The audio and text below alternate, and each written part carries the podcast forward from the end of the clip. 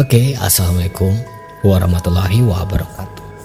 Selamat datang di episode ketiga podcast Madam.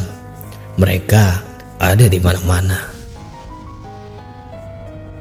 Oke, kali ini di episode ketiga podcast Madam sudah ada satu cerita pengalaman horor dari teman kita bernama Nanat atau Nadia yang pernah mengalami pengalaman tersesat di sebuah perkampungan alam lain dan bagaimana mereka bisa masuk dan lolos dari dimensi itu. Tapi seperti biasa sebelumnya terima kasih banyak buat para pendengar atau para pecinta horor yang sudah mampir mendengarkan dan mengikuti episode-episode sebelumnya di podcast Madam ini. Lalu buat kalian para pendengar atau pecinta podcast horor di mana pun kalian berada kalian bisa kirim juga cerita kalian untuk dibagikan dan didengarkan pecinta horor lainnya di podcast madam ini.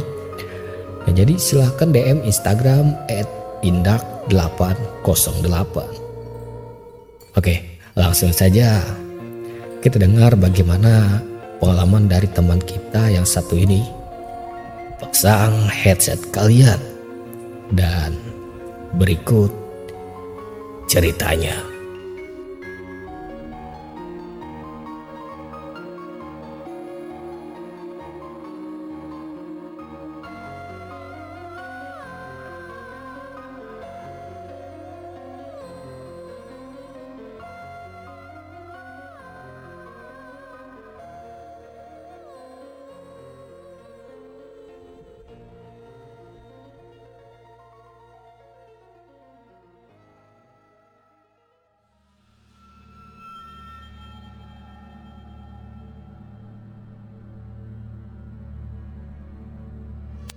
Hai semuanya, uh, jadi aku mau cerita tentang pengalaman aku kejebak di alam lain.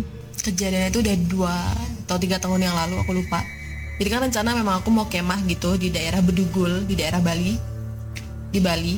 Terus Hamin dua itu, teman aku sempat bilang kayak gini, Nat, kayaknya kita nggak usah kemah deh. Kita jalan-jalan aja ke kebun stroberi gitu. Ya aku nyaut, kenapa emang udah siap-siapin peralatan kok malah nggak jadi gitu. Temen aku jawab, nggak enak aja perasaanku kayak nggak dapat dukungan aja gitu dari alam. Ya aku nanya dengan ah apaan sih dukungan dari alam gimana? Maksudnya temen aku jelasin ya soalnya mendung-mendung gini emang yakin mau kebuyan karena kan di Bedugul sana itu uh, dataran tinggi ya jadi dingin kabut kabutnya lumayan tebel gitu. Ya aku bilang ya aku yakin aku kekeh tetap pengen berangkat kemah gitu ya udah setelah perdebatan itu kita memutuskan untuk pulang karena memang posisinya kita lagi nongki di kafe tempat biasa tempat biasa kita nongkrong. Nah eh, tiba-tiba jam 3 pagi teman aku nelpon. Literally jam 3 pagi dia nelpon. Dia ngasih tahu aku kayak gini Nat uh, almarhum pakai aku datang ke mimpi aku nih. Dia ngasih pesan untuk kita nggak berangkat lebih baik nggak berangkat ke Buyan. Ya karena aku nggak percaya sama hal-hal seperti itu aku percayanya itu adalah mungkin sosok seseorang yang meninggal datang ke mimpi mimpi kita tuh karena beliau itu rindu ingin didoain gitu. Pengen dibacain doa biar mungkin uh, di sana lebih lapang gitu kan. Teman aku masih nggak percaya dia ngerasa kayak enggak kakek aku datang nggak mungkin cuma ngucapin gitu doang pasti ada sebab sebabnya gitu. Ya karena aku masih tetap kekeh aku bilang aku tetap berangkat nih kalau emang kamu nggak mau ya nggak apa-apa kita bertujuh aja gitu. Udah akhirnya dia nggak ikut. Dan aku lanjut tidur. Dan keesokan harinya di hari H aku berangkat jam 8 pagi jemput-jemputin teman-teman aku. Kita perjalanan dari Denpasar ke Bedugul itu sekitar 2-3 jaman. Dan akhirnya kita sampai uh, kita lagi diri-diriin tenda kita lagi asik lah ya diriin tenda. Tiba-tiba teman aku tuh demam. Teman aku demam. Namanya Nila di jalan tuh dia nggak apa-apa. Dalam perjalanan ke Bedugul tuh dia nggak apa-apa. Kita fun fun aja kita fine fine aja kita ketawa ketawa bareng gitu.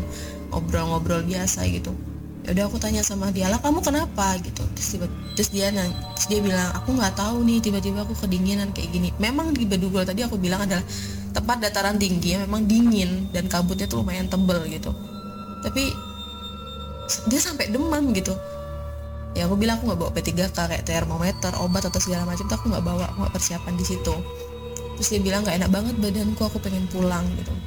Terus aku coba aku tanya nih sorry lah kamu datang bulan. Dia bilang enggak oke. Okay. setelah percakapan itu masuk ke jam 6 di Bali itu sandikala kalau mau masuk mau masuk maghrib. Gitu kan. Jadi situasinya tuh makin mencekam gitu. Teman-teman aku yang lain tiba-tiba nangis aku nggak tahu kenapa terus minta pulang karena dia bilang situasinya tuh bener-bener mencekam aku pun kaget gitu dan bilang ke semua teman-teman aku untuk tenang jangan gegabah untuk ngambil kesimpulan kayak gini mungkin karena hawanya memang dingin makanya kita sangkut pautin hal-hal kayak gitu tuh dengan yang horor-horor gitu Nah temen aku yang demam tadi bilang kayak gini, Nat pulang sekarang, kita beresin tendanya, please ini gak beres. Ya aku tanya, penasaran kenapa sih? Aneh banget gitu. Terus dia bilang situasinya tuh mencekam gitu. Kamu kan peka, harusnya kamu lebih lebih lebih terasa sama situasi yang seperti ini. Justru pikiran positif yang ngebantu aku untuk nggak mikirin hal-hal yang begitu gitu. Akhirnya dia mohon-mohon sama aku untuk minta pulang. Ya udah bentar aku mau lihat situasi. Ya udah, kayak aku lihat situasi dulu memang banyak banget makhluk-makhluknya yang mendekat dan uh, bawa pengaruh negatif banget ke kita kita di, di tempat itu gitu ada aku coba komunikasi tapi kekuatannya mereka lebih besar sampai akhirnya aku sesek kayak nggak bisa nafas aku hampir pingsan. Dan dari situ aku udah semua teman-teman aku semua nangis aku coba di bopong ke mobil untuk nenangin diri. Nafas aku juga masih belum stabil. Bener-bener sesek banget kayak apa sih kita masuk ke tempat yang gelap sunyi sepi kayak gitu dah seseknya. Nah karena kita semua beresin tenda. Kita nggak jadi kemah teman aku minta pulang. Dan tadi kan kita bertujuh uh, yang empat beresin yang yang dua nemenin aku di mobil untuk kayak mijetin aku untuk ngasih aku minyak kayu putih biar aku lebih fit lagi gitu kan. Karena aku nyetir jadi teman aku tuh pada bantu bantuin gitu loh kayak beres-beresin tenda mereka masuk masukin mau peralatan kemah di ke mobil gitu. Dan aku cuma bisa nungguin mereka di dalam mobil nggak bantuin apa-apa.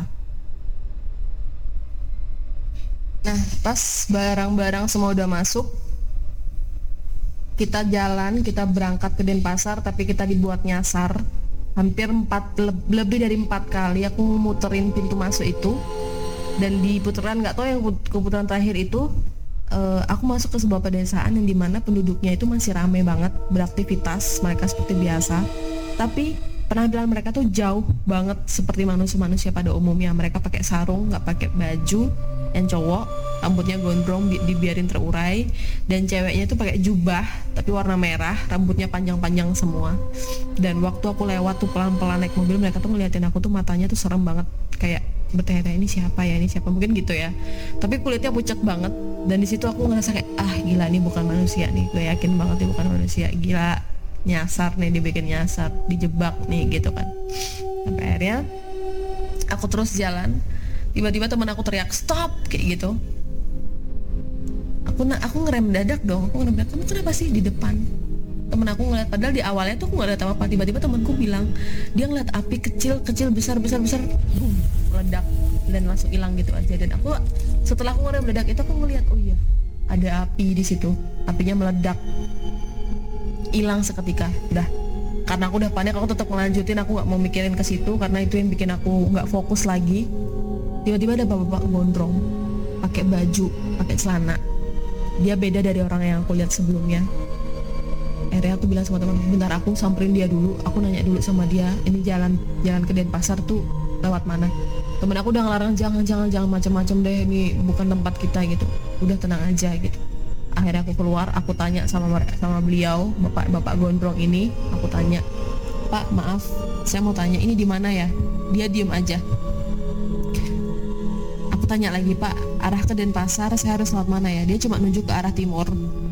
Dia nunjuk ke arah timur dan udah tanpa sepatah, sepatah kata pun. Akhirnya aku bilang makasih pak. Permisi set. Akhirnya aku masuk ke mobil aku lanjut lagi. Dan pas aku ngelewatin bapak itu bapak itu tuh masih posisi yang sama nunjuk ke arah timur. Dan nggak bergerak sama sekali. Aku nggak mau lihat lagi ke spion. Aku terus ma terus jalan maju ke depan terus terus terus terus sampai ada ketemu sama ibu-ibu. Kayak dia tuh berko, ber, bersanggul pakai pakai kebaya putih. Iya gimana pelan-pelan jalan lemah lembut gemulai gitu lah. Tapi dia di tengah jalan aku berhenti kan. Aku samperin ibu itu. Aku tanya saya mau lewat. Terus ibunya bilang kayak gini anakku cepat pulang. Ini bukan tempatmu. Terus aku nanya maaf ini ibu siapa ya? Aku penunggu tempat ini. Ibunya bilang kayak gitu dan akhirnya dia nunjukin arah. Cari ke arah timur.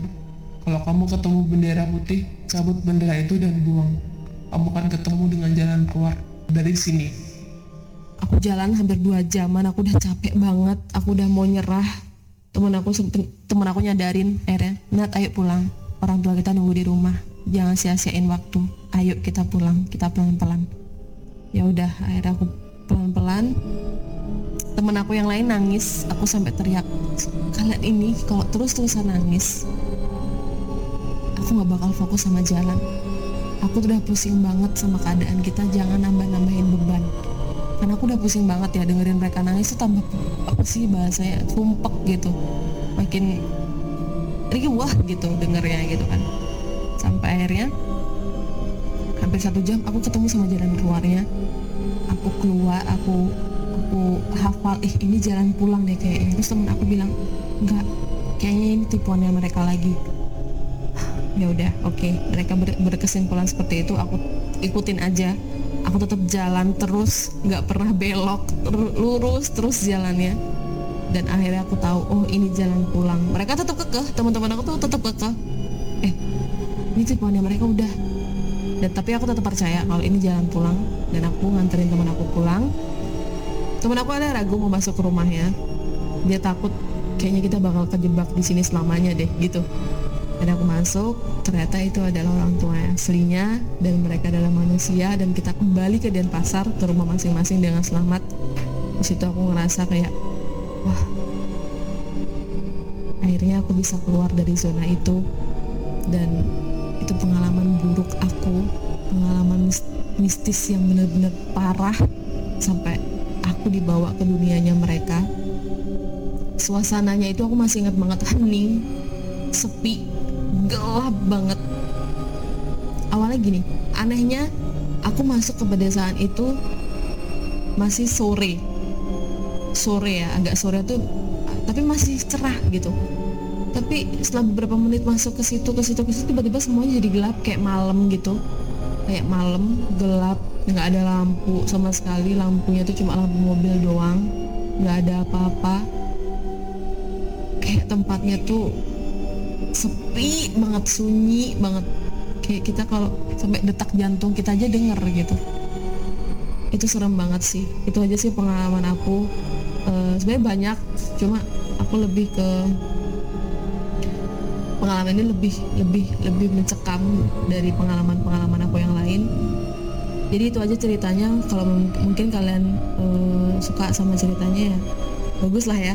Terima kasih buat kalian yang udah mendengarkan dan aku cuma mau berbagi cerita aku nggak maksa kalian untuk percaya atau atau enggak yang penting aku di sini cuma mau berbagi cerita. Thank you